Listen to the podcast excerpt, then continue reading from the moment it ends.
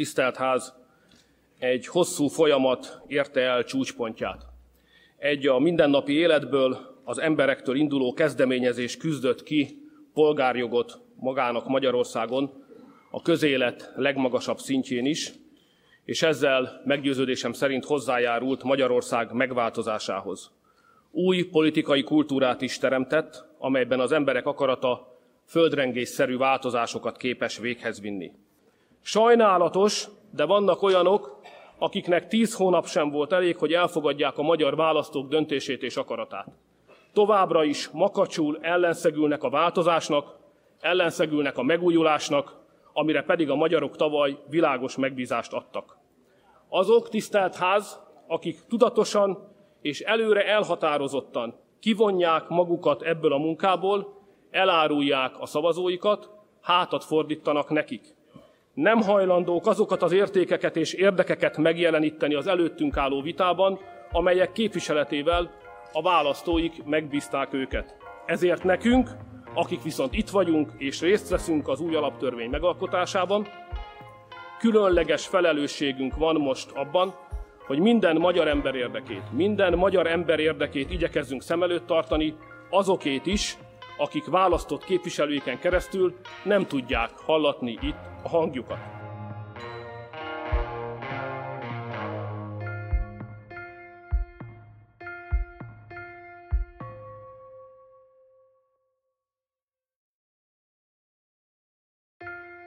Ez itt a Jognak Asztalánál, a Partizán két hetenként megjelenő jogi podcast műsora. Amiben áttekintjük, hogyan építették fel az államhatalom szerkezetét 2010 után, és hogyan lehetne azt a jogeszközeivel megváltoztatni. A műsorvezetők pedig Molnár Noémi és Kazai Viktor Zoltán. Ha tetszik az adás, akkor szállj be a Partizán műsorainak finanszírozásába a Patreon oldalon, valamint ne felejts el feliratkozni a Partizán YouTube csatornájára. Ne maradj le a jognak asztalánál egyetlen epizódjáról sem. Kövess minket Spotify-on és a Facebookon, ahol a műsorhoz kapcsolódó egyéb érdekes információkat is megosztunk. Kezdünk!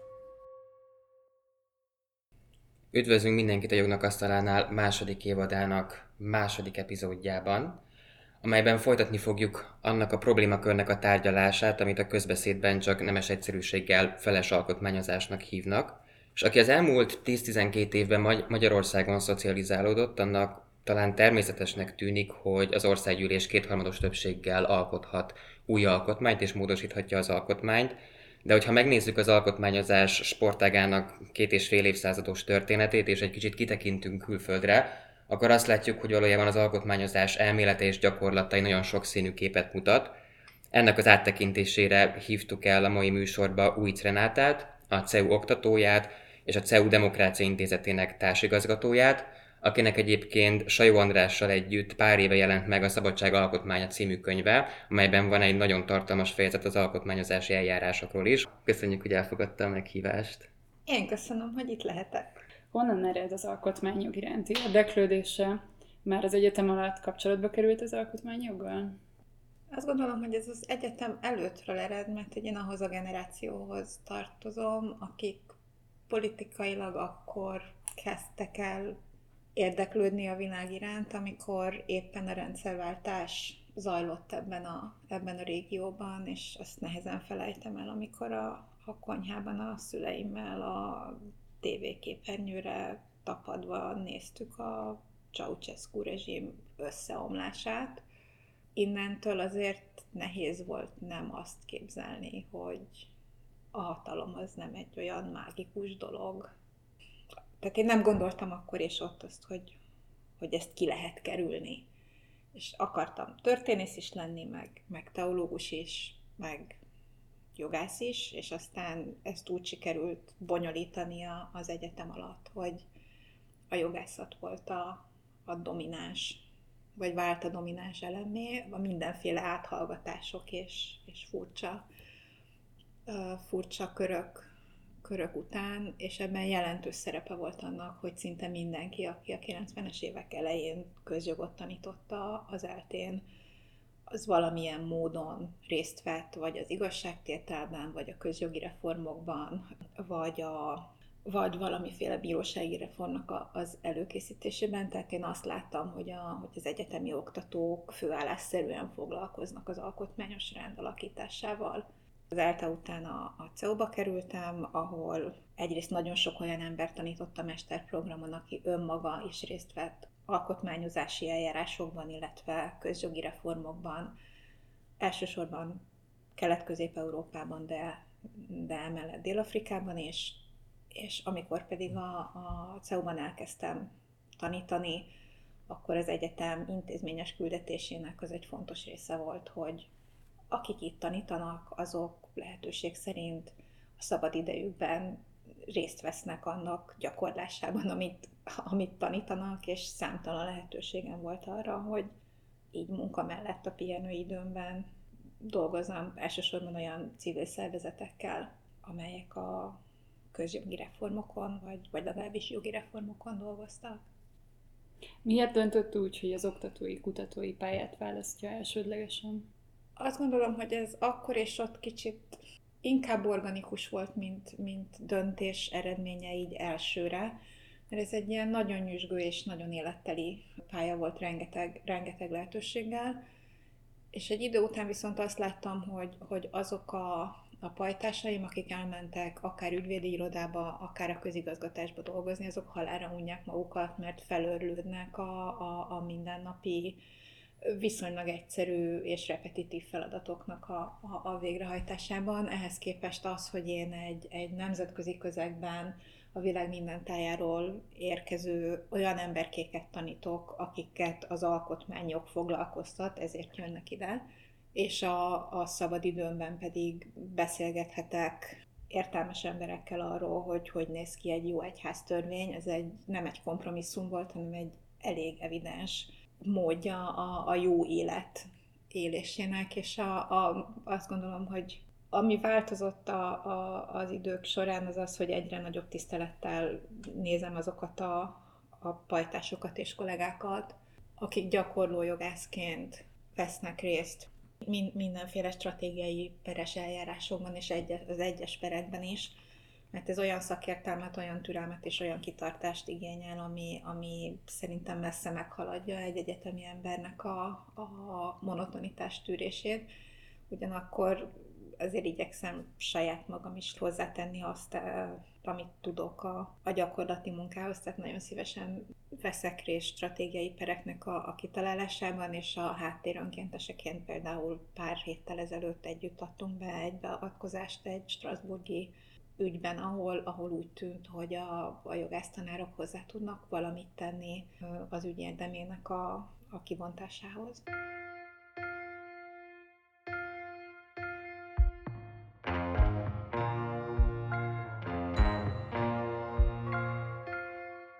Az alkotmányozási eljárások története az nagyjából egy olyan két-két és fél évszázadra nyúlik vissza, de ilyenkor mindig egy írott kartáris alkotmányról beszélünk. Történetileg azonban másfajta alkotmányok is voltak, illetve most is vannak olyan országok, amelyeknek nincsen kartáris alkotmánya, mégis alkotmányos demokráciának hívjuk őket, ilyen például az Egyesült Királyság. Mit értünk pontosan alkotmány alatt, és, és hogyan változott ennek a fogalomnak a, az értelme az idők során? Ez egy kiváló kérdés, és azt gondolom, hogy az, hogy valaki hogyan válaszol az alkotmányozás történetéről feltett kérdésre, az arra is válaszol egyből, hogy, hogy mit ért alkotmány alatt. Ugye történelmileg maga az alkotmány, illetve a konstitúció szó az az, az egyházjogban például olyan dokumentumnak a neve, aminek nem feltétlenül van köze a modern értelemben vett írott alkotmányhoz. Az alkotmányozás története, mint az írott alkotmány előállításának a története, az ugye elsősorban az Egyesült Államoknak a kitalálásához fűződik, és az az érdekes ebben a, a sztoriban szerintem, hogy ez egy ellentörténet. Mert azok, akik ezt az alkotmányt úgy döntöttek, hogy végül is leírják, ők azért akarták leírni, mert úgy gondolták, hogy a nem írott, organikusan fejlődő politikai alkotmány, vagyis a hagyományos, addig ismert alkotmányforma, az a hatalommal való visszaélésre ad szabad lehetőséget. És számos alkalommal próbálkoztak azzal, hogy, hogy leírjanak egy, egy, egy szöveget, ami, ami egy alkotmányszöveg, eleinte nem is így hívták, és a sokadik próbálkozásra sikerült összehozni azt az alapdokumentumot, amin az Amerikai Egyesült Államok alkotmánya a mai napig alapul. Amikor azt mondom, hogy a sokadik próbálkozásra, akkor, akkor ide azt értem, hogy a, az angol gyarmatok elkezdték a saját önkormányzásuknak az alapját leírni, amit nem feltétlenül alkotmánynak, hanem valamiféle kartának vagy egyéb alapító dokumentumnak hívtak, messze a, a függetlenségi nyilatkozat előtt. Majd az első próbálkozása a szövetségi alkotmány kidolgozására, az tulajdonképpen egy, egy ilyen államszövetségi megállapodás volt, az Articles of Confederation, ami nem hívta önmagát alkotmánynak. És ehhez képest magát az alkotmányt, azt ezek után már úgy írták meg, egyébként formailag az Articles módosítási szabályainak ellentmondó módon, de úgy írták meg, hogy egyrészt figyelembe vették azt, hogy mi nem működött az Articles of Confederation alatt a napi szintű kormányzásban, másrészt figyelembe vették azt, hogy mi, mi, mi megőrzendő vagy megtartandó a tagállamok alkotmányos alkotmányainak a szövegéből, ugyanakkor bizonyos dolgokat ki is hagytak, mert, mert beírták a tagállami alkotmányokba, így például az első legfontosabb történelmi alkotmány, az Egyesült Államok alkotmánya az alapjogi karta nélkül született meg, mert az alapjogi kartáról a hosszas viták után az a megállapodás született, hogy igazából, ha jól kitaláltuk a kormányzat működését, akkor felesleges rögzíteni a, a, a szabadságokat így, így tételesen, hiszen ha jól korlátozzák egymást a lepapírozott hatalmak, akkor egyértelműen teret hagynak a, az egyéni szabadság érvényesülésének. Ehhez képest ugye a, a másik viszonylag sikeres alkotmányozási történet az a francia forradalmárokhoz kapcsolódik, akik a labdaházi eskü után, csak hogy ilyen hihetetlen jó határpontokkal szórakoztassam a hallgatóságot, a labdaházi eskü után leültek alkotmányozni, viszonylag gyorsan eljutották odáig, hogy, hogy megszövegezzék a, az emberi és polgári jogok nyilatkozatát. Ez részben azért ment könnyen, mert elég világos volt, hogy melyek azok a szabadságok, amelyeket ők fontosnak tartanak, és ezek után hosszú ideig tartott, még az 1791-es francia alkotmányt sikerült előállítani. Ez ugye az első alkotmány, írott alkotmány volt a, a forradalmat követően, nem sikerült túl jól, Nyilván szétfeszítették a, a, a műfai kereteket, a, a politikai indulatok és a, és a kompromisszumok. Nagyon nehéz úgy megtartani egy királyt a trónján, hogy az ember igazából szabadulni szeretne tőle. Tehát ehhez, ehhez képest én azt hangsúlyoznám az írott alkotmányok elő, előállításának a, a történetében, hogy az írott alkotmányok legalább annyira íródnak valami ellen, mint valamiért, és hogyha egy írott alkotmány hosszabb ideig hatályban képes maradni, ez a francia alkotmányokra nem feltétlenül igaz, akkor egy írott alkotmányra is rárakódik rengeteg íratlan gyakorlat, rengeteg háttérmegállapodás, beleértett kompromisszum, vagy beleértett értékválasztás, amit egy vagy két generáció múlva ennek az alkotmánynak a felhasználói mind a magánszemélyek, mind a, mind a politikusok már nem feltétlenül néznek jó szemmel. Ugye ezt említette, hogy az amerikaiaknak sikerült elfogadni egy olyan alkotmányt, amiben nem volt alapjogi katalógus. Ma már azért úgy gondoljuk, hogy az alapjogoknak az alkotmányban van a helye. A modern alkotmányoknak vannak bizonyos tartalmi elemei, amelyek szinte kötelező kellékként vannak felsorolva? Erre a kérdésre azért nem feltétlenül könnyű válaszolni, mert függ attól, hogy az, azt kérdezi-e, hogy a pillanatnyilag hatályban lévő alkotmányoknak milyen elemei vannak, illetve hogy a mindenféle jó gyakorlat és egyéb útmutatások, amiket kiosztanak alkotmányozó atyáknak, meg anyáknak, meg politikusoknak, akik éppen alkotmányozni készülnek, milyen elemeket tartalmaznak. Pillanatnyilag hatályban van számtalan olyan híres alkotmány, ami egyértelműen nem felel meg azoknak az elváráslistáknak, amiket akár, a, akár az ENSZ, akár az OSC, az EBS, e akár például az alkotmányozási folyamatokat gyakran szakértőkkel támogató International Idea kézikönyveiben, kézikönyveiben leírnak. Nemzetközi receptkönyvben vagy sikerlistában nyilván szerepelni fog az, hogy egy alkotmány elképzelhetetlen lapjogi karta nélkül, szerepelni fog az, hogy szerencsés esetben célszerű, hogyha a hatalmi ágak elválasztásán és a fékek és egyensúlyok rendszerén alapul a kormányzat. Igen, kiváló dolog az, hogyha van benne egy független bírói rendszer a bírói függetlenségnek a, a biztosítékaival. Külön alkotmánybíróság például nem kötelező elem, mert az alkotmánybíráskodást, mint funkciót elláthatja az egyébként független bíróság, de elláthatja egy nem bíróság alakú testület is. Modern alkotmányokban nagyon sokszor szerepelnek a bírói tanácsokhoz hasonló szervezetek, a bírói igazgatás és a bírói kinevezések intézményi megoldásaként szerepel benne például a független nemzeti bank, vagy, vagy költségvetési tanács.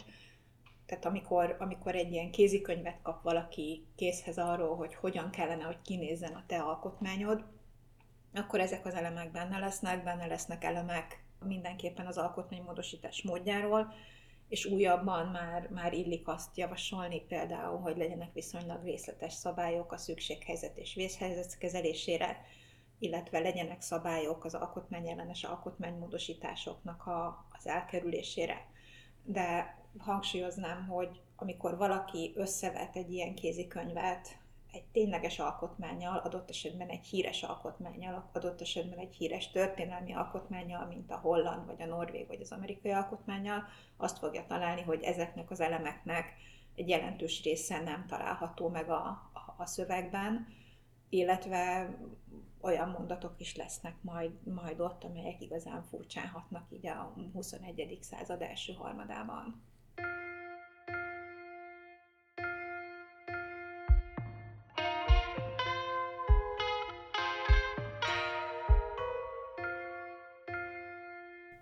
Egy alkotmányozási eljárás az feltételezi, hogy valahonnan ered egy alkotmány megalkotása iránti igény. Általában ezek az igények honnan jönnek, honnan erednek? Ez mindig egy forradalmi pillanathoz kapcsolódik, vagy általában leszoktak ülni okos politikusok, jogtudósokkal együtt és megterveznek egy új alkotmányt, vagy milyen körülmények között szoktak ezek az alkotmányok születni? Történelmileg a, a szakirodalomban ugye a klasszikus példák azok a forradalmi alkotmányok, nem véletlen, hogy én is a, az amerikai és a francia alkotmányozást hoztam, hoztam példának. Ez ugye azért nem annyira meglepő, mert ezek a forradalmak úgy, úgy mellékesen egy, egy monarchiához képest kerestek egy, egy más típusú, önkorm, lehetőleg önkormányzat típusú ö, kormányzati rendszert azért globálisan alkotmányozási igény felszokott merülni a gyarmatosítás ellenszereként is. Itt tartoznak azért azok a, a szcenáriók is, amikor valaki effektíve megszabadul a gyarmati hatalom alól, vagy valaki fellázad a, a, a gyarmatosító hatalom ellen. És itt újra azt hangsúlyoznám, hogy ezek a történelmi példák általában arról szólnak, hogy megpróbálunk megszabadulni egy elnyomónak tekintett rezsimtől. A modern folyamatok, modern, modern alkotmányozási folyamatok között azért számtalan olyan példa van, amikor a cél nem annyira a politikai rendszerváltás volt, hanem valamiféle alkotmányos modernizáció, mert hogy túl régi volt, vagy túl elavult volt az alkotmányszöveg, ilyet nyilván akkor könnyű csinálni, hogyha ha egyébként nem borzasztó nehéz eljárásilag megváltoztatni egy alkotmánynak a, a szövegét. Számtalan példa van arra természetesen, elsősorban Afrikából és, és Dél-Amerikából, ahol egy, egy katonai pucs vagy, vagy erőszakos hatalomátvétel után az új rezsim alkotmányozással egybekötve veszi át a hatalmat, ami ugye egyértelműen rimmel a forradalmi alkotmányozásnak a, a logikája, vagyis egy politikai rezsimváltást próbálunk meglepapírozni. Hangsúlyoznám, hogy számtalan olyan példa van a, az alkotmányozás modern történetében, amikor viszonylag békés úton egy nép leül, vagy az ő képviselői leülnek, és végig gondolják, hogy, hogy melyek lennének azok az alkotmánymódosítások, amelyek adott esetben javítanának egy, egy ország kormányozhatóságán. Ennek ellenére a, a forradalmi és a radikális politikai változáshoz kötött alkotmányozási eljárások a leghíresebbek a szakirodalomban, részben ezért, mert ezek a legdrámaibbak, és részben azért, mert ezek hoztak legtöbbször olyan újítást, amit addig nem láttunk. Tehát az például, hogy egy alkotmányt leírnak, az egy óriási újítás volt abban a, a politikai közegben, ahol az angol gyarmatosítás követően az angol gyarmatosítás íratlan alkotmányát felváltja egy radikálisan más minőség, egy írott alkotmány, amit a politikai hatalom korlátjaként kezelnek független bíróságok gyakorlatilag az első perctől. Azt gondolom, hogy amikor a, arról beszélünk, hogy, hogy egy alkotmányozási igény fölmerül egy társadalomban, akkor persze kihagyjuk azokat a példákat, amikor ezt az igényt nem annyira politikai pártok által képviselt választópolgárok terjesztik elő, hanem például egy, egy megosztott adott esetben polgárháborús vagy háborús helyzet után a béketárgyalások elemeként merül fel az, hogy ups, a békét úgy kellene igazán jól rögzíteni, hogyha egyből alkotmányoznánk is. Az egy elég kérdésekkel övezett terület, hogy mennyire bölcs dolog az, amit az ENSZ előszeretettel csinál, hogy egy nagyon erős konfliktusos polgárháborús helyzetet úgy kívánnak megoldani, hogy a béketárgyalásokat egybekötik egy alkotmány előkészítési és alkotmányozási folyamattal, részben azért, mert így a, az alkotmányozási folyamat az tulajdonképpen a béketárgyalásoknak a, az eredményévé válik, és maga az alkotmányszöveg is konfliktus befagyasztásának a, a szkriptjévé válik. Tehát azt gondolom, hogy amikor arról beszélünk, hogy hogyan merül fel ez az igény, akkor fontos azzal tisztában lenni, hogy a forradalmi szcenárión kívül számos egyéb szenárió is van, és akkor persze még arról nem beszélünk, hogy vannak olyan helyzetek, amikor bár nagy lelkesedés van egy alkotmányozás iránt, a végén arra jutnak a népek, hogy jobb ezt most hagyni, mert valószínűleg az fogja segíteni a, a mindennapi kormányzást, hogyha nem vitatkozunk egy, egy írott alkotmány szövegén. Ennek egy kiváló példája a, az az izraeli megállapodás, ami, amikor tudatos politikai megegyezés született arról, hogy alkotmányozás helyett inkább egy sor alkotmányértékű törvényt fognak hozni a parlamentben a nem túl távoli jövőben. Tehát pusztán az, hogy van egy politikai igény arra, hogy alkotmányozás, alkotmányos változás is legyen, vagy egy politikai változást írott alkotmány formájában rögzítsünk egy, egy politikai közösségben, nem jelenti azt, hogy ez szöveget fog generálni, simán lehet arra a megállapodásra is jutni, hogy ennek most nincs itt a pillanata, és, és valami, valami más megoldást találunk a, az önkormányzás módjának rögzítésére.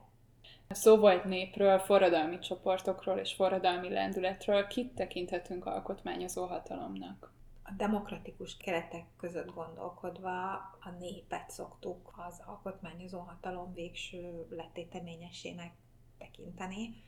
Ez ugye azért hangzik mindig ilyen kellemetlenül, mert az első dolog, amit egy alkotmányos demokrácia alkotmányos csinál, az az, hogy korlátok közé szorítja a népet, és azt mondja, hogy a nép majd a választásokon választhatja meg az ő képviselőjét négy évente, öt évente.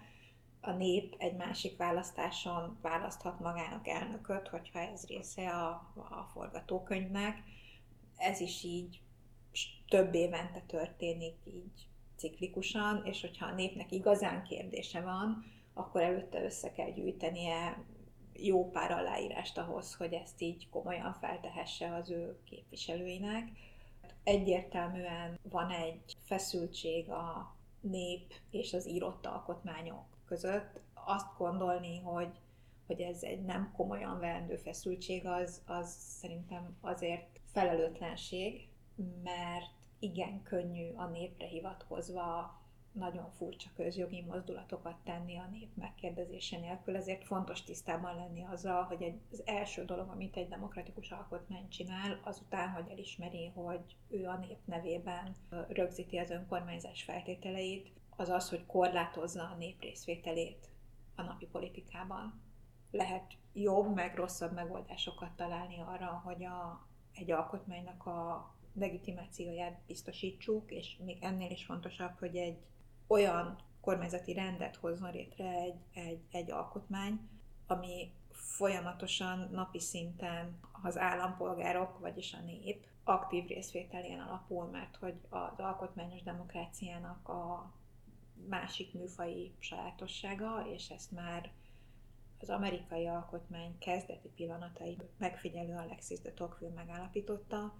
hogy egy alkotmányos demokráciának az a halála, amikor a nép nem vesz ebben részt aktívan, hanem politikusokra, meg bírákra bízza a, a, az alkotmányos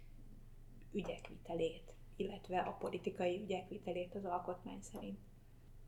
Ja, az világos, hogy az alkotmányozó hatalom forrása a nép, de ezért általában nem a nép maga szokott alkotmányozni, vagy alkotmányt írni.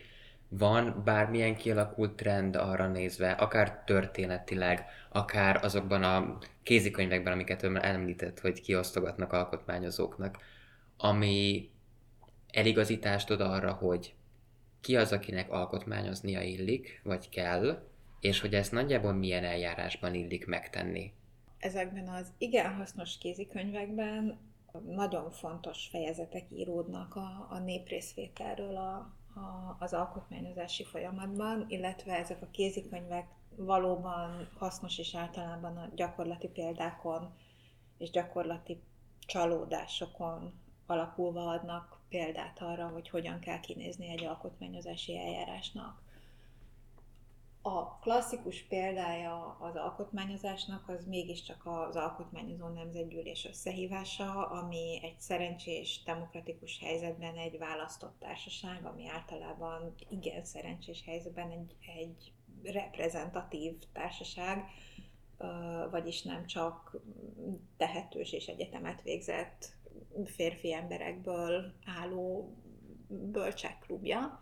Vannak ennek alternatívái részben azért, mert a nem forradalmi helyzetekben általában, amikor egy alkotmányozás igazából egy alkotmányreformnak a, a része, szükség van egy működő parlamentre, amellett, hogy úgy mellékesen készül egy, egy új alkotmánynak a, a szövege is. Ezekben a kézikönyvekben van egy szerencsés esetben és, és ajánlatosan, demokratikusan választott alkotmányozó testület, amin belül nagyon fontos, hogy, hogy legyenek olyan fórumok, amelyek egyrészt képesek összeállítani ennek a testület működésének a napirendjét, és a működési szabályokat. A működési szabályoknál iszonyatosan fontos a gyakorlatban egyrészt a döntéshozatali eljárásban való megállapodás, tehát hogy milyen döntésekhez van szükség egy hangúságra, szimpla többségre, vagy, vagy minősített többségre az alkotmányozási eljárás folyamán, és ugyanilyen fontos, hogy legyenek forgatókönyvek arra, hogy mi történjék akkor, amikor egyáltalán nem sikerül előre jutni egy bizonyos kérdésben, mert befagytak az álláspontok, vagy egyszerűen a jól fizetett alkotmányozó nemzetgyűlési tagoknak nem érdeke az, hogy bármiféle végtermék, például egy alkotmány szülessen. A kézikönyvekben általában vannak mondatok arról, hogy, hogy mit kezdjünk a, a, a tanácsadókkal, főleg, hogyha ezek nemzetközi külföldi tanácsadók, akik egyébként bölcs tanácsokat tudnak, tudnak adni külföldi eljárásokból, szerzett tapasztalatokból, nem feltétlenül szükséges, hogy ezek a külföldi példák, ezek a, az alkotmányozó atyáknak a saját tapasztalatain alapuljanak, tehát simán lehet az, hogy az alkotmányozó nemzetgyűlés mellett feláll egy, egy független tanácsadó testület, és akkor ehhez képest egy, egy fontos, fontos elem az, hogy ugyan már a nép hogyan szólhat bele, és mikor. Az egyébként általában szakértő jogászok által lekottázott alkotmányszövegnek a, az alakulásába. Szerencsés esetben ez mégiscsak úgy történik, ez a társadalmiasítása az alkotmányozási folyamatnak, hogy több ponton is beleszólhatnak. Általában szervezett módon a népképviselői, és amikor itt azt mondjuk, hogy a, a népképviselői, ez egy, ez egy nagyon széles kategória, mert nyilván egyének is, is hozzászólhatnak egy alkotmányozási folyamathoz a közösségi médiában. Általában nagyobb sikere van annak, hogyha társadalmi szervezetek vagy civil szervezetek próbálnak meg egy bizonyos álláspontot képviselni, és szerencsés esetben ez nem úgy történik, hogy a nőjogi aktivisták ráverik az ajtót az alapító atyáknak a szövegező gyűlésére. Nyilván a, a közösségi média felhasználásának amit például az ENSZ támogat, az az egyik előnye, hogy a, a nép köréből érkező hozzászólások azok nyilvánosan hozzáférhetők, és jól lekövethető az, elég transzparens módon, hogy bármiféle válasz vagy reakció érkezik ezekre a felvetésekre az alkotmányozási eljárás során. Ugye ezzel egy időben az is világos, hogy mindenféle részvételi, néprészvételi elemet igen könnyű fogjul ejteni, tehát azok, akik nincsenek feltétlenül képviselve, vagy nem érzik magukat képviselve az alkotmányozó nemzetgyűlésben, kiválóan fel tudják használni a néprészvételi alkalmakat arra, hogy megakasszák, vagy, vagy legalábbis lelassítsák az alkotmányozási folyamatot. Tehát, hogy vannak kiváló receptkönyvek, és a receptkönyvek mindig azzal a figyelmeztetéssel érkeznek, hogy célszerű figyelembe venni a, a helyi népesség politikai részvételi szokásait és, és a politikai részvétel csatornáit, mert hogy nem csak Facebookon lehet trollkodni, hanem, hanem egyéb módokon, egyéb módokon is. De akkor mindezek fényében azért azt kijelenthetjük, nem, hogy a magyar megoldás az, hogy van egy kétharmados parlamenti többség egy egykamarás parlamentben, akik besétálnak, beterjesztenek egy törvényjavaslatot, amelyet alkotmánynak vagy alaptörvénynek neveznek, pár napot beszélgetnek róla, majd utána elfogadják, ez nem tekinthető egy különösebben nehéz, vagy bonyolult, vagy komplex alkotmányozási eljárásnak a 21. században. A régi alkotmány, illetve az alaptörvény módosítási eljárása, amihez sokan hozzá vannak szokva, mert hogy az alaptörvény az, az gyakran, gyakran módosul, az sem, semmiképp sem a legjobb példája a, a, az alkotmány csinálásnak nemzetközi szinten végképp nem. Hogyha abból indulunk ki, hogy egy alkotmány egy sokszínű társadalom önkormányzásának a forgatókönyve vagy, vagy receptkönyve, akkor semmi esetben sem szerencsés ezt úgy módosítani, vagy adott esetben megalkotni, hogy a pillanatnyi politikai többség kívánságait, preferenciáit vagy akaratát rögzítjük a szövegben, és ezt úgy a legegyszerűbb elérni. Eljárás tervezési szempontból, hogyha számos olyan lehetőség van az alkotmánymódosítás vagy az új alkotmány szövegének a, a kialakítása során, ahol a társadalom, a nép különböző csoportjainak és rétegeinek képviselői érdemben beleszólhatnak abba, hogy, hogy mi, mi kerül bele ebbe az alkotmányszövegbe.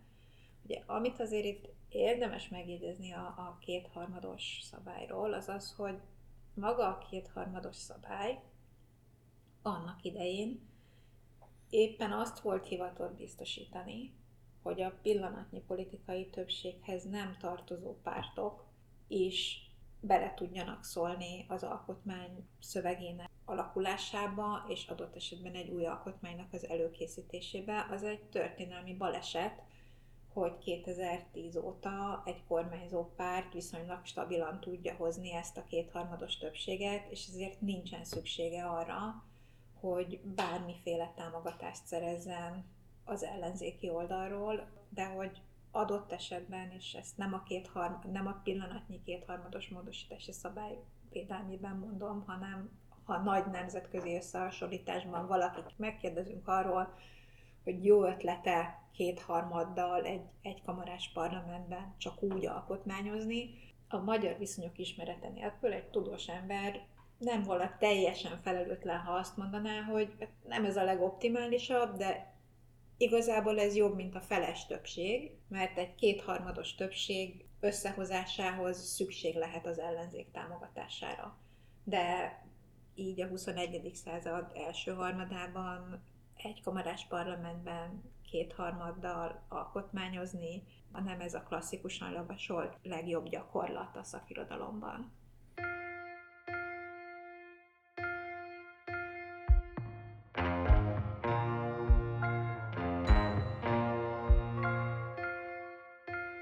Azonosíthatóak-e azok a tipikus feltételek, amik ahhoz szükségesek, hogy egy alkotmányozási eljárás sikeresen záruljon, azaz megszülessen valamiféle dokumentum. No, tehát egy alkotmányozási eljárás nem attól sikeres, hogy megszületik egy dokumentum. Az, hogy egy alkotmányozási eljárásban megszületik egy dokumentum, az, az egy kiváló mérföldkő, de ahhoz, hogy valóban sikeresnek tudjuk nevezni az alkotmányozási eljárást, ahhoz arra is szükség van, hogy ezt az alkotmányt alkalmazzák, szükség van arra is, hogy megszülessenek azok a törvények, amelyek ebben a dokumentumban szerepelnek, hogy erről meg arról törvényt kell majd hozni, például fel kell állítani egy alkotmánybíróságot, aminek a tagjait utána majd ki kell nevezni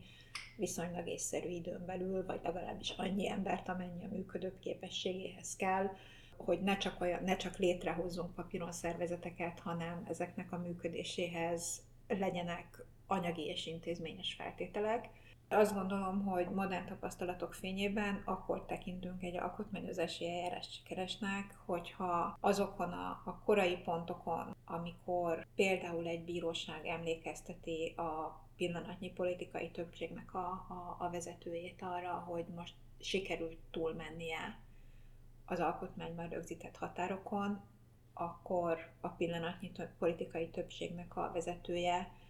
azt fogja mondani ennek a bíróságnak, hogy ó, bocs, persze, persze, valóban igaz, akkor most inkább úgy csinálnék, ahogy megállapodtunk három évvel ezelőtt, és nem alkotmányozási vagy alkotmánymódosítási eljárást kezdeményez. Tehát azt gondolom, hogy, hogy részben friss példák alapján, amikor arról beszélünk, hogy mikor sikeres egy, egy alkotmányozási eljárás,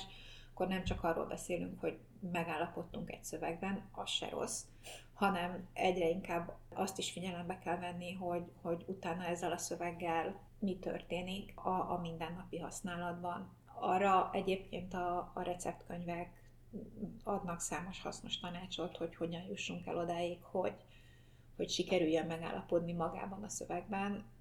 Az egyik legfontosabb szempont itt, hogy ezt alapvetően ezért akarni kell. Tehát, hogyha az asztal körül ülő felek nem akarnak megállapodni egy alkotmányszövegben, akkor nem fognak. Hogy ők miért akarnak megállapodni egy alkotmányszövegben, az legalább annyira múlik a félelmeiken, mint a, a jövőbeni várakozásaikon. Nyilván el szeretnék kerülni a, az előző rezsim bizonyos ballépéseit vagy, vagy túlkapásait. Ez egy kiváló indítatás arra, hogy, hogy bizonyos dolgokat beleírjanak egy szövegbe, de az is nagyon fontos figyelembe venni, hogy akkor is a megállapodás te körül az asztal körül történik, az is befolyásolja, hogy az asztal körül ülő emberek mire számítanak, mi fog velük történni, amikor sikerül megállapodni egy, egy végső szövegben. Ha ők arra számítanak, hogy börtönbe fognak kerülni, akkor nem fognak megállapodni egy alkotmányszövegben, és ugye a pillanatnyi magyar vitákban sokszor előjön a, a, a csilei alkotmányozás, nem a mostani, hanem, hanem az, ami véget vetett a, a katonai diktatúrának, és ugye általában hangsúlyozzuk az alkotmánybíróság szerepét, hogy mennyire fontos volt az, hogy az alkotmánybíróság támogatta a, azokat, a, azokat a demokratikus erőket, akik demokratikus változásokat akartak. Ugyanennyire fontos, hogy Pinochet maga nem került börtönbe, hanem egy igen kiváló állami állásban, majd egy másik igen kiváló állami állásban, először mint főparancsnok, aztán mint szenátor, végül is a csilei adófizetők nyugdíjasaként végezte karrierjét. Tehát amikor arról beszélünk, hogy mik azok a, a jogi technikák, amelyek segítenek feleket megállapodni egy, egy alkotmányszövegben, akkor azon kívül, hogy beszélünk mindenféle eljárási trükkökről, amik a szakácskönyvekben vannak, ugyanennyire fontos tudni, hogy, hogy milyen motivációi vannak azoknak az embereknek, akik az asztal körül ülnek, és folyamatosan figyelemmel kell lenni arra, hogy az alkotmányozás az egy politikai eljárás, ami egy alapvetően feszült és nehezen kiszámítható politikai közegben történik, a legjobb esetben is, a jogászok tudnak mindenféle technikai segítséget nyújtani ehhez, de nem ők fogják elérni azt, hogy a felek megállapodjanak, és úgy álljanak fel az asztaltól, hogy a következő választások után én be fogom tartani azt, ami ebben a szövegben van. Ez a válaszsal már igazából átvezett a következő kérdéshez, hiszen hogyha ránézünk az alkotmányokra, akkor azt látjuk, hogy annak ellenére, hogy ezt egy ilyen nagyon stabil, az ország jövőjét hosszú évtizedekre meghatározó dokumentumként képzeljük el, vagy legalábbis így tanulják a jogászok a, a, az alkotmányok tankönyvbe, hogy ennek ez lenne a célja. Az empirikus kutatások azt mutatják, hogy ezért egy alkotmány élettartama az viszonylag rövid. Mik azok a tényezők, amelyek befolyásolják, hogy milyen hosszú ideig marad hatályban egy alkotmány, és mikor jön el újra az a momentum, amikor egy átfogó alkotmánymódosítást, vagy egy új alkotmány megalkotását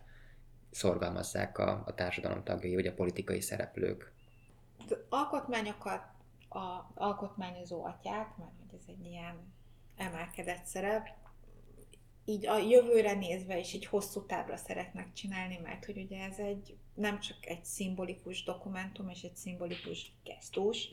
de, de valahogy egy saját magunknál nagyobb elköteleződés, amit aztán leírunk. És ez egy, ugye, amik, az a keletkezés pillanatában, vagy a leírás pillanatában mindenki szeretné azt hinni, hogy ő a jövőnek és a jövő generációnak, és nem a gyerekeinek, hanem, a, hanem az unokáinak alkotott itt most valamit. Tehát ezek általában ezek az aspirációk az asztal körül. Ugye ehhez képest az empirikus kutatások, Tom, Tom Ginsberg és, és társasága arra jutottak, hogy hogy egy alkotmány átlag életkora nagy nemzetközi összehasonlításban 19 év, vagyis igazából az alkotmányok már nem iratkoznak be a jogi karra, vagy épp hogy beiratkoznak. vagy, épp, vagy épp hogy beiratkoznak, de, de garantáltan nem végzik el. És nagyon érdekes módon, nagyon érdekes módon a, a Ginsbergék által felsorolt szempontok, amelyekhez képest mérhető az, hogy, hogy melyik alkotmány él egy kicsit tovább, azok nem feltétlenül könnyen egyeztethetőek össze egymással, mert például mondanak ilyet, hogy fontos az, hogy egy alkotmányszöveg rugalmas legyen, de utána azt is mondják, hogy de az is fontos, hogy kellőképpen specifikus és és célra törő. Most nyilván látjuk, hogy tehát egy alkotmányszöveg vagy kellőképpen specifikus, vagy kellőképpen rugalmas, és akkor itt persze az idézett tanulmányban az a válasz, hogy hát a társadalom közösség bizonyos konfliktusainak rendezése szempontjából fontos szöveg legyen specifikus, de a továbbélés szempontjából fontos szöveg meg adjon alkalmat kellő rugalmassággal a, a társadalmi fejlődésre, tehát hogy ezt lehet sokféleképpen magyarázni, hogy most itt akkor feszültség van, vagy egyszerűen csak más szakaszoktól várjuk el azt, hogy igazán világosak legyenek, mint például, hogy az elnököt négy évre választják, és nem újra választható, míg más szabályoktól várjuk el azt, hogy, hogy kicsit rugalmasabbak legyenek. Ugye egy alkotmány szöveg megváltoztatására, meg főleg a, a nagy alkotmányos reformokra való igény, amikor erről a kérdésre kell válaszolni, akkor azt hiszem tíz évvel ezelőtt másképp válaszoltam volna, mint, mint ma. Mert ma már nem feltétlenül hangzik az cinikusan, hogy egyre többször akarnak alkotmányreformot azok, akik egyszerűen megunták a pillanatnyi alkotmányban lévő hatalmi korlátokat. Tehát a, amikor az alkotmányreform elsőleges célja az, hogy, ö, hogy megnöveljük a, a, az elnöki mandátum hosszát, vagy újra választhatóvá tegyük az elnököt, vagy hogy kicsit megmokkoljuk az alkotmánybíróság összetételét, hogy ettől az elmúlt tíz évben senkinek nem az jut eszébe, hogy, hogy itt a, a társadalmi igények mozgatják a, az alkotmányreformnak a, a, a kerekét. Ugye újabban az már egy standard kampányígéretté vált egy teljesen hétköznapi átlagos változásokon, hogyha nyerek, akkor majd alkotmányreform lesz. Tehát ez most körülbelül olyan, mint a nyugdíjemelés, meg a rezsicsökkentés, hogy ha mi nyerünk, akkor, akkor majd lesz alkotmányreform is, mert valahogy az alkotmány tehet arról, hogy eddig rossz volt, és majd jobb lesz, hogyha, hogyha ezt vagy azt megváltoztatunk csak olyan, vagy általában olyan politikai közegekben nem szoktak ilyen nagy alkotmányreformokat ígérni, ahol, ahol annyira nehéz eljárásilag módosítani az alkotmányt, mint például az Egyesült Államokban, hogy ez nem egy reális politikai ígéret,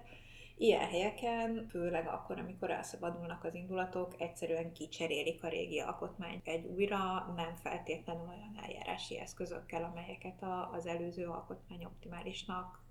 tartott. Úgyhogy azt, azt gondolom, hogy a, hogyan merül fel az alkotmányozás igénye kérdésre, így az illiberális demokráciák térnyerésével nagyon nehéz úgy tekinteni, mint a társadalmi fejlődés hőnáhított állomásaira, és sokkal inkább azt vélelmezi az egységsugarú választó, hogyha egy politikus alkotmányozást ígér, meg alkotmányreformot ígér, akkor igazából csak a saját javára akarja szabni a játékszabályokat, és ezt akkor is célszerű észben tartani, hogyha valaki egy illiberális vagy hibrid rezsimből akar a demokrácia felé valamiféle békés átmenetet. Az alkotmány élettartamára vonatkozó kérdést azért is tettem fel, mert amikor elfogadták az alaptörvényt 2011-ben, már akkor nagyon sok olyan szakirodalmi vélemény megjelent, amelyek azért előre jelezték, hogy hát itt ez nem biztos, hogy egy, egy hosszú életű alkotmány lesz. Részben a megalkotásának a körülményei, ugye sokan elmondják, hogy ez egy egypárti alkotmány, az ellenzék bevonása nélkül, valódi társadalmi bevonás nélkül született. Vannak olyan rendelkezései, ami nagyon értéktelítettek, ugye család, haza, kereszténység, nemzeti identitás, mi minden, a kétharmados törvények nagy száma, és a többi, és a többi. Tehát, hogy ön szerint mennyire lehetett előre látni hogy azért itt, ha a kormányváltás lesz Magyarországon, akkor fel fog merülni valamiféle alkotmányozási vagy alkotmányreform iránti igény. Visszaszaladva egy kicsit 2010-re is, hogy, hogy milyen minőségű ez az alaptörvény, mint, mint, mint alkotmányszöveg. Ugye ne felejtsük el azt, hogy, hogy amit a nemzeti hitvallás vagy egyéb szakaszok 2010-ben állítottak, például családról, meg kereszténységről, meg történelmi alkotmányról, az módosult egy párszor a, a, az évek során, és lehet, hogy ezekről a módosításokról volt nemzeti konzultáció, nem feltétlenül előtte vagy utána. Ezek a módosítások és a, a szövegnek az egyre konz, keresztény konzervatívábbá válása semmiképpen sem a, a társadalmi igényekre való néprészvétellel történt alkotmánymódosítás körébe tartozik. Az, hogy, a, az, hogy az alaptörvény nem lesz feltétlenül egy, egy hosszú életű vállalkozás, azt azért abból lehetett sejteni 2010-ben, hogy a pillanatnyi alkotmányozó parlamentnek megvolt az a többsége már akkor, ami ahhoz kellett, hogy ez a szöveg módosulhasson. Tehát ad abszurdum, ha 2010-ben ezt az akkori kétharmados többség komolyan vette volna, hogy most tényleg hosszú távra rögzíti a, az egy, a társadalmi együttélés és az önkormányzás, demokratikus önkormányzásnak a, az elveit, akkor alkothatott volna egy olyan alkotmánymódosító klauzulát is, amiben a saját kétharmados többségén kívülre helyezte volna a módosítás opcióját, tehát 2010-ben is lehetett volna azt mondani, hogy kétharmados többség a parlamentben, plusz még egy népszavazás itt, plusz még egy kis néprészvétel ott, vagy, vagy valami hasonló ilyen nem túl nehéz, de a kétharmados többségnél mindenképpen megerőltető eljárási móka. Tehát az alaptörvény megalkotása pillanatától magában hordozta azt, hogy egy az a kétharmados többség, ami megalkotta, bármikor megváltoztathatja a saját kedve szerint ezeket a, ezeket a szabályokat. Tehát innentől kezdve azért nem lehet túl meglepő ebben a politikai közegben, hogy mindenki, aki a miniszterelnöki címről álmodik, egyben alkotmányozó hatalomról is álmodik. Itt azért nem kell túl mérgesnek lenni az alkotmányozó ambíciókra törő miniszterelnök jelöltek alkotmányozásai tervei hallatán. Mi lehet a hosszú élettitka egy alkotmány esetében? Alkotmány esetében a hosszú élettitka az az, hogyha ha komolyan veszik, ha betartják és ha alkalmazzák. Tehát a, az Amerikai Egyesült Államok alkotmánya, ami egy igen hosszú életű alkotmány, az, az részben azért hosszú életű, mert kellemetlen politikai és társadalmi pillanatokban adott esetben nagyon megosztó konfliktusok esetén is elő lehetett venni, és azt lehetett mondani, hogy akkor ezt a konfliktust most ezek szerint, a szabályok szerint fogjuk rendezni, és ennek a konfliktus rendezésnek a része volt a, a bírósághoz fordulás, azzal, hogy amit a bíróság mond, azt, ha kicsit morcogva is, de be fogjuk tartani. A skandináv országokban, ahol szintén relatív hosszú életű alkotmányok vannak, ott nem szokott a politikai elit bírósághoz rohanni a, a konfliktusaival, tehát ott snasz bírósághoz vinni és, és alkotmányosítani politikai konfliktusokat, ott az járja, hogy politikai megegyezések útján rendezik a koalíciós politikai térben ezeket a, ezeket a vitákat, tehát Skandináviában vagy, vagy Hollandiában részben azért kevésbé releváns az egyébként öreg alkotmányszöveg, mert, mert nem kell állandóan előrántani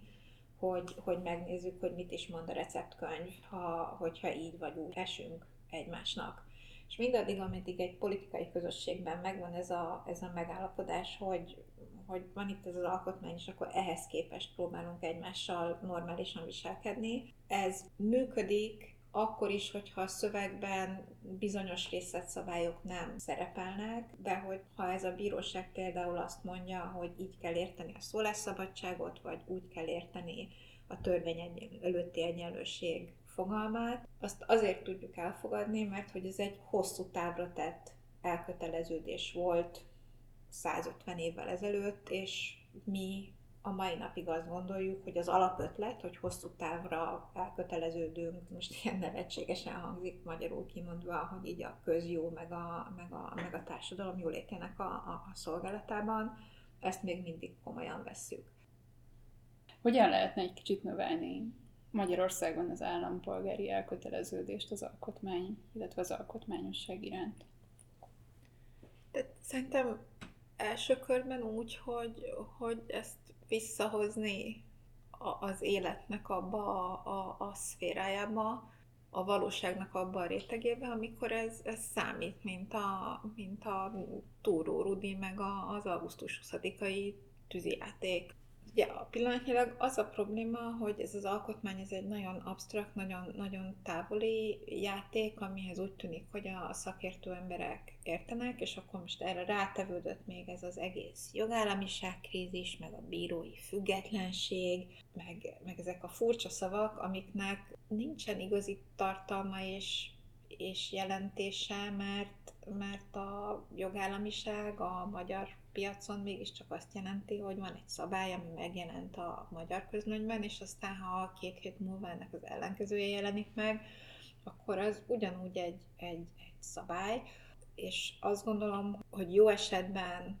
az alaptörvény, meg ez az egész alkotmányozás dolog irreleváns, rossz esetben viszont azokhoz a, a rossz politikai gyakorlatok és kormányzási gyakorlatokhoz kapcsolódik nagyon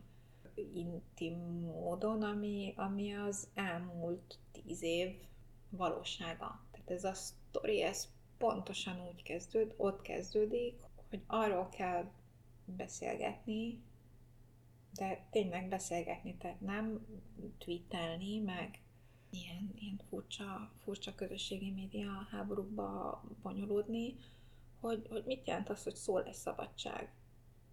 a sajtó szabadságát, a cenzúra eltörlését. Ezt mondták március 15-én pár évvel ezelőtt. Mit jelent az, hogy eltörölni a cenzúrát? Mi a cenzúra? Van ma Magyarországon cenzúra? Hogyha igen, akkor tessék megmutatni nekem, hogy, hogy ez hogy is néz ki, és én hol érzem a bőrömön, és milyen lenne a magyar sajtó cenzúra nélkül most így 2000 22-ben. És addig, ameddig a szabadság az, az azt jelenti, hogy vasárnap is lehet vásárolni a plázában, addig rettenetesen nehéz elmagyarázni, hogy, hogy miért számít az, hogy mi van egy alkotmánynak, vagy alaptörvénynek, vagy nem tudom minek nevezett dokumentumban. Mert addig az alkotmány meg az aranybulla között nincsen, nincsen különbség, és ez a, ez a meló, ez egy közösségépítési munka, amiben azt gondolom, hogy, hogy önök is aktívan részt, vennek, de, részt vesznek, de, hogy, hogy az, de tényleg azt gondolom, hogy ezt nem lehet megúszni, és nem teljesen véletlen, hogy, hogy Lengyelországban a, az eltávolított, vagy úgy is mondhatnám, kirúgott lengyel bírák hozzáfogtak a, a falujáráshoz, hogy elmagyarázzák, hogy, hogy hogy is működik egy alkotmány, és mit is csinál egy, egy, egy bíró. Azt hiszem, hogy itt az ideje Magyarországon is ehhez hozzáfogni.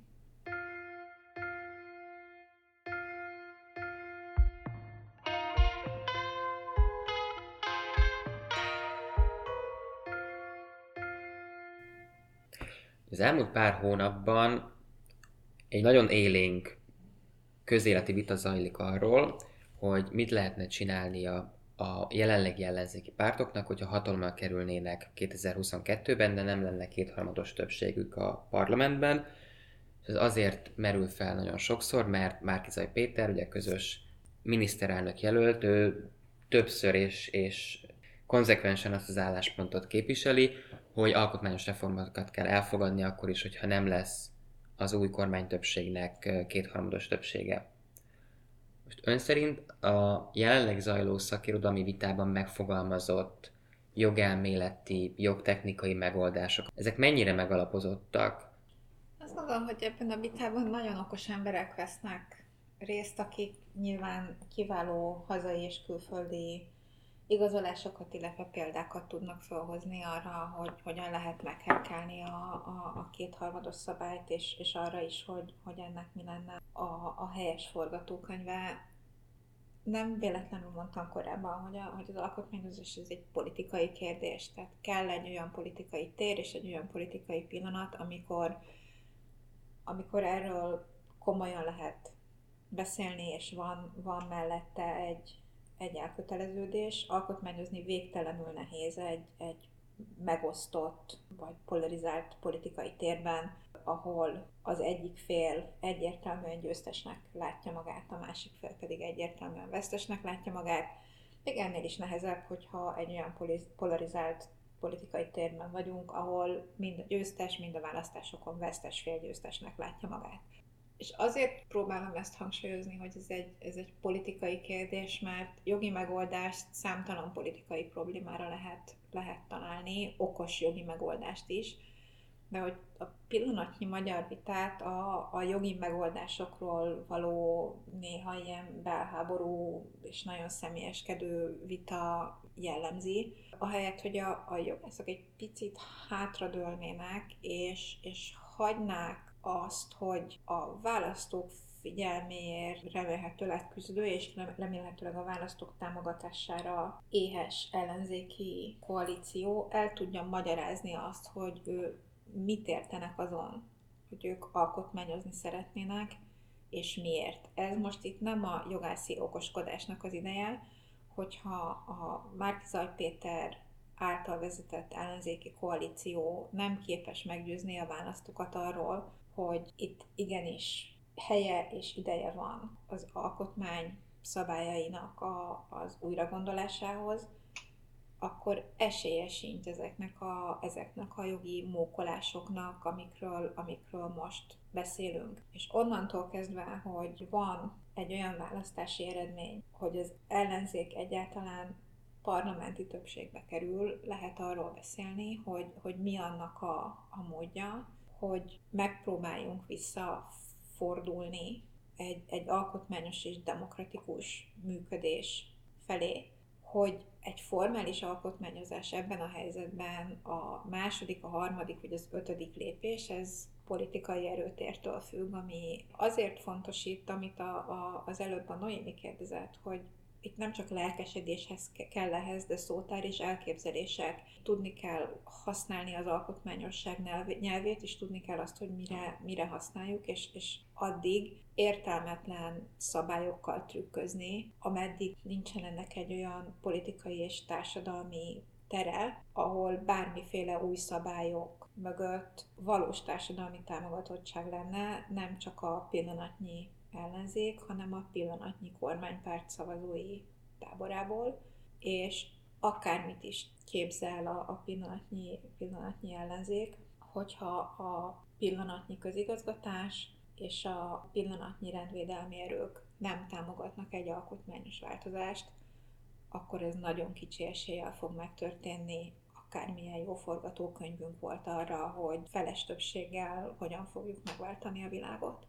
Szó volt arról, hogy szükség van társadalmi támogatottságra és a jogalkalmazó szervek lojalitására, támogatására az alkotmány irányában. Milyen akadályai, negatív következményei lehetnek annak, hogyha ez nincsen meg?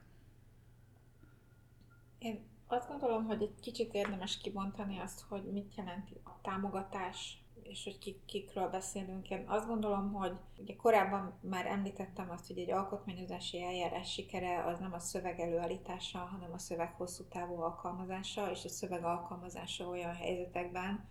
amikor az effektíve a, a pillanatnyi politikai többség akarata ellen szól, mert a korlátok érvényesülnek, és nem a, a felhatalmazó rendelkezések. Ezen a logikán haladva az elmúlt tíz év alatt olyan mértékben változott a, a köztisztviselői és közszolgálati személyi állománynak a, az összetétele, hogy felelőtlen azt feltételezni ebben a pillanatban, hogy a bürokrácia lelkesen fog támogatni egy feles alkotmányos reformot, de adott esetben egy kétharmadosat is. Amiből nem az következik, hogy úgy kell a köztisztviselői kar egészére, vagy a bírói kar egészére tekinteni, mint, a, mint az alkotmányos változás kerékkötőire, hanem az, hogy tisztában kell lenni azzal, hogy legjobb esetben is ez a nagyon nagy személyi állomány megosztott, vagy sokféleképpen gondolkodik. És adott esetben meggyőzésre szorul, és a potenciális kirugás, fenyegetés az nem a meggyőzés eszköze, hanem a további polarizálás eszköze. Tehát nagyon fontos azt belátni, hogyha az igen számos állami alkalmazott, hogyha ők nem gondolják úgy, hogy jobb lenne egy alkotmányos demokráciában élni, mint, a, mint az alaptörvény valóságában, akkor napi szinten bürokrata apró munkával tudnak ellenállni mindenféle, mindenféle változásnak, formális jogszabályok betartásával, a magyar közlöny tele van velük. A, az ellenállásnak egy, egy másik fontos szintere, az pedig valószínűleg éppen, éppen Európa, mert hogy az uniós intézmények nagyon valószínűleg nem fognak aktívan beavatkozni egy belpolitikai konfliktusba egy tagállamban, egy csatlakozó államban, vagy egy, vagy egy partnerállamban ezt megtennék, egy tagállamban nem fognak, és amennyire a bizottságnak a jogállamiság fogalmából ez, ez pillanatnyilag kiolvasható, formális legalitás betartása az, az borzasztóan fontos értéknek fog tűnni. Egy bizottsági bürokrata fejében nagyon gyanús lesz az,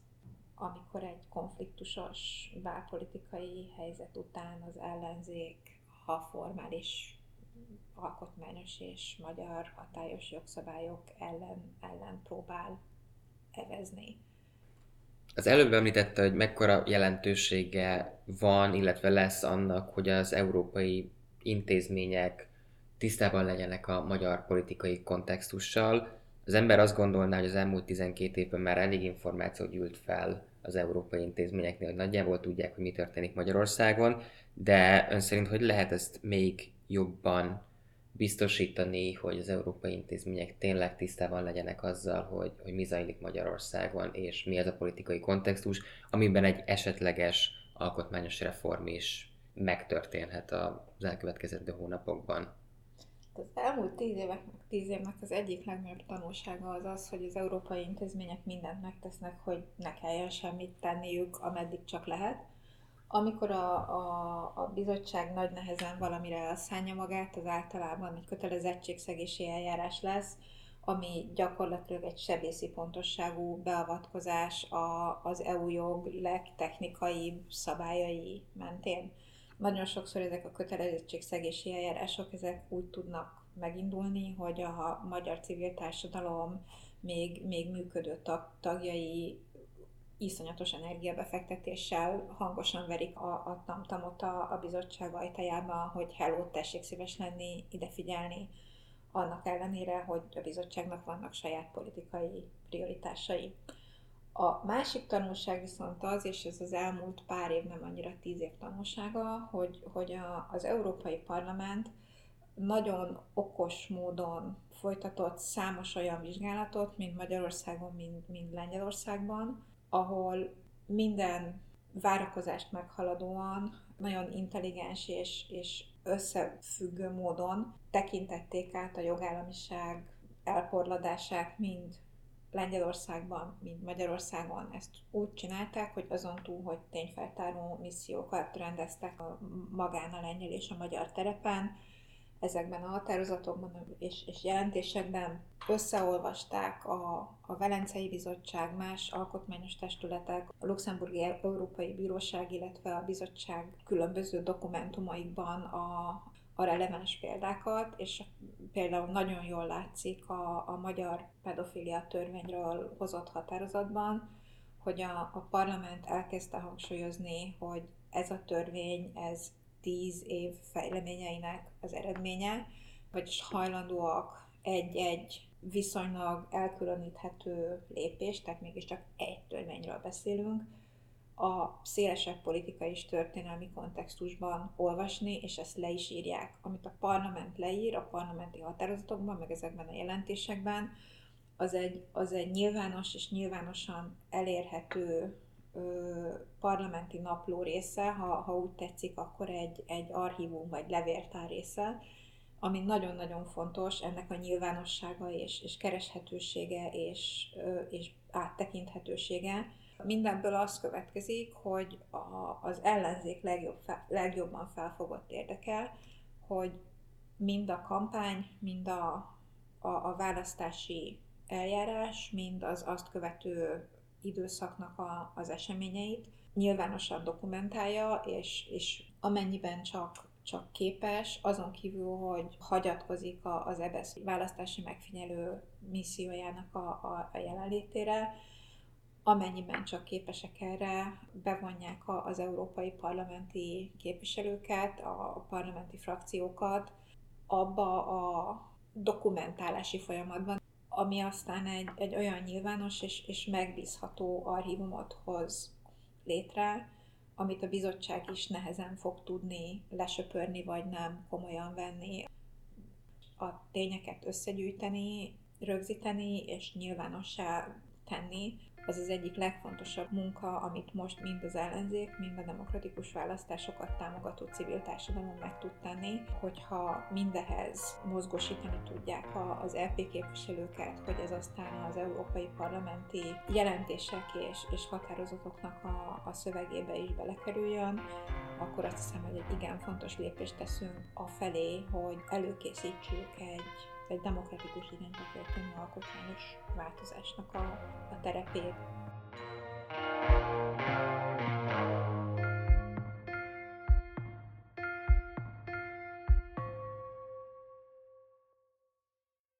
Ez volt a Jognak Asztalánál, a Partizán jogi podcast műsora. Ha tetszett az adás, akkor szállj be a Partizán műsorainak finanszírozásába a Patreon oldalon, valamint ne felejts el feliratkozni a Partizán YouTube csatornájára. Ne maradj le a jognak asztalánál egyetlen epizódjáról sem. Kövess minket Spotify-on és a Facebookon, ahol a műsorhoz kapcsolódó egyéb érdekes információkat is megosztunk. Várunk vissza két hét múlva egy újabb epizóddal.